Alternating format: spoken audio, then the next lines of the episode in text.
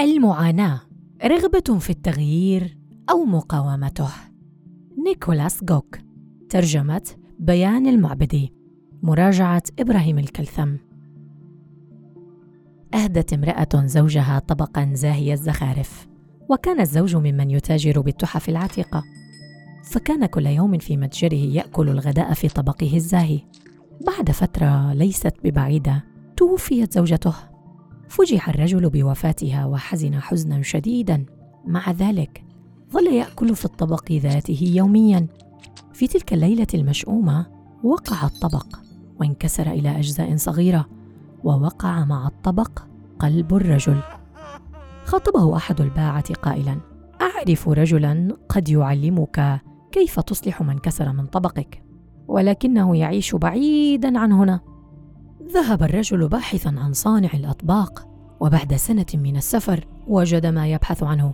ساعد صانع الأطباق الرجل في إعادة تجميع القطع المكسورة وعاد الرجل لوطنه مسرورا لكن الطبق لم يعد كما كان في يوم آخر وقع الطبق ثانية وانخدش قلب الرجل لكنه كان متعبا ولم يقدر على السفر مرة أخرى. أخبره بائع آخر أنه يعرف شخصا يصنع اطباقا شبيهة بهذه وهو يعرض بضاعته في السوق. خرج الرجل فرحا بسبب عدم اضطراره إلى السفر بعيدا وذهب واشترى طبقا مشابها. في بداية الأمر كان الرجل سعيدا ومع ذلك لم يشعر قط بالانتماء لهذا الطبق. وفي يوم من الأيام انكسر الطبق مجددا. في هذه الأثناء مر عابر سبيل ونظر لفتاة الطبق قائلا كم أنت محظوظ. لقد كان طبقا وحسب. هذه الكلمات الخفيفة كانت بمثابة مصباح أنار حياته. المعاناة هي أولى الحقائق النبيلة الأربع في البوذية ويسمونها الدوكخا ولها العديد من التعاريف منها الألم والهلع والأسى والإجهاد والسخط والبؤس. أعتقد أن أسهل مفهوم يحتل عالمنا الحديث هو التعاسة. معاناتنا ليست جسدية على الأقل ليست دائما كذلك بل هي إن صح القول عاطفية بطريقة أو بأخرى لا تسير الأمور كما نشاء. ونواجه الما عاطفيا جراء ذلك. هذا الألم لم يكن عشوائيا ابدا بل نحن من نحمل أنفسنا ما لا تحتمل. وهذه هي العبرة من القصة المذكورة انفا. مرد كل معاناة البشر إما مقاومة التغيير أو الرغبة فيه. إن أراد التغيير أن يؤثر فينا ورفضناه فسنعاني. وإن تمنينا التغيير ولم يقع فسنعاني. مثل ما حدث للرجل في القصة السابقة. نتعارك مع أمواج الحياة بدلا من ركوبها. وفي كل مرة تجرفنا بعيدا نخاف ونبكي. نقطع رحلات رمزية رغبة في حفظ ما لا يحفظ وتغيير ما لا قدرة لنا على تغييره. لقد تمسك الرجل بطبق زوجته لأنه منحه شعورا بالديمومة في عالم لا يدوم. لقد قاوم التغيير وعند انكسار الطبق حدث التغيير عنوة وهذا ما صب زيتا في نار معاناته.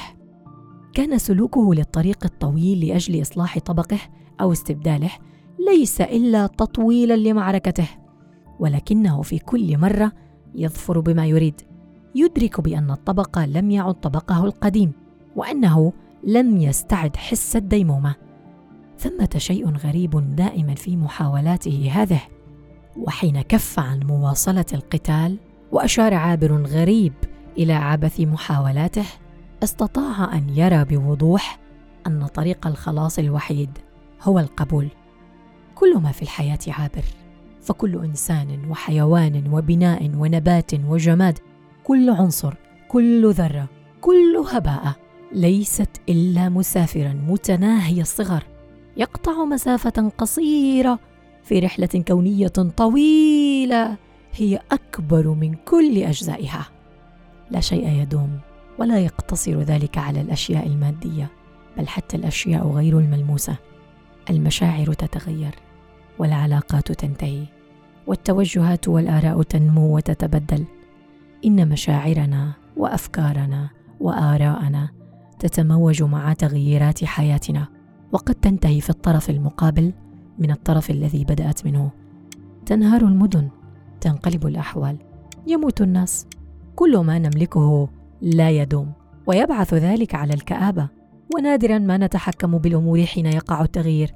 قد نرغب في أمر ما بشدة ولكن جل ما نستطيع فعله هو بذل الأفضل. وترقب النتائج المرجوة. فكلما تعلقنا هيأنا شروط معاناتنا. والأجدر لنا أن نساير الريح لا أن نتعارك معها. قال بروسلي مرة لو نتمعن في أشد الأشجار صلابة لوجدناها سهلة القطع في حين أن الصفصاف والخيزران ينجو بانحنائه مع الرياح.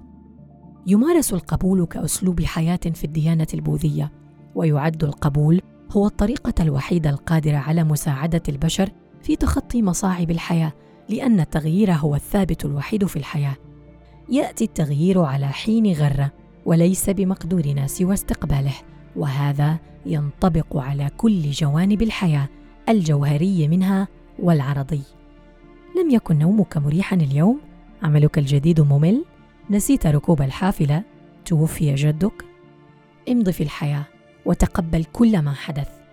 بالطبع هذا لا يعني أن تتقبل الأحداث بسهولة وتمضي في هذه الدنيا سريعا ولكن أن تتعلم كيف توازن بينهما أي القبول والمقاومة. تقبل دوام الزوال وتقبل حدوث التغيرات غير المريحة في أوقات غريبة وحينها ستتلاشى المعاناة. في نهاية اليوم لا تنسى كم كنت محظوظ لأنك ما تزال على قيد الحياة. وكل ما حدث لك كان مجرد طبق مكسور ليس إلا.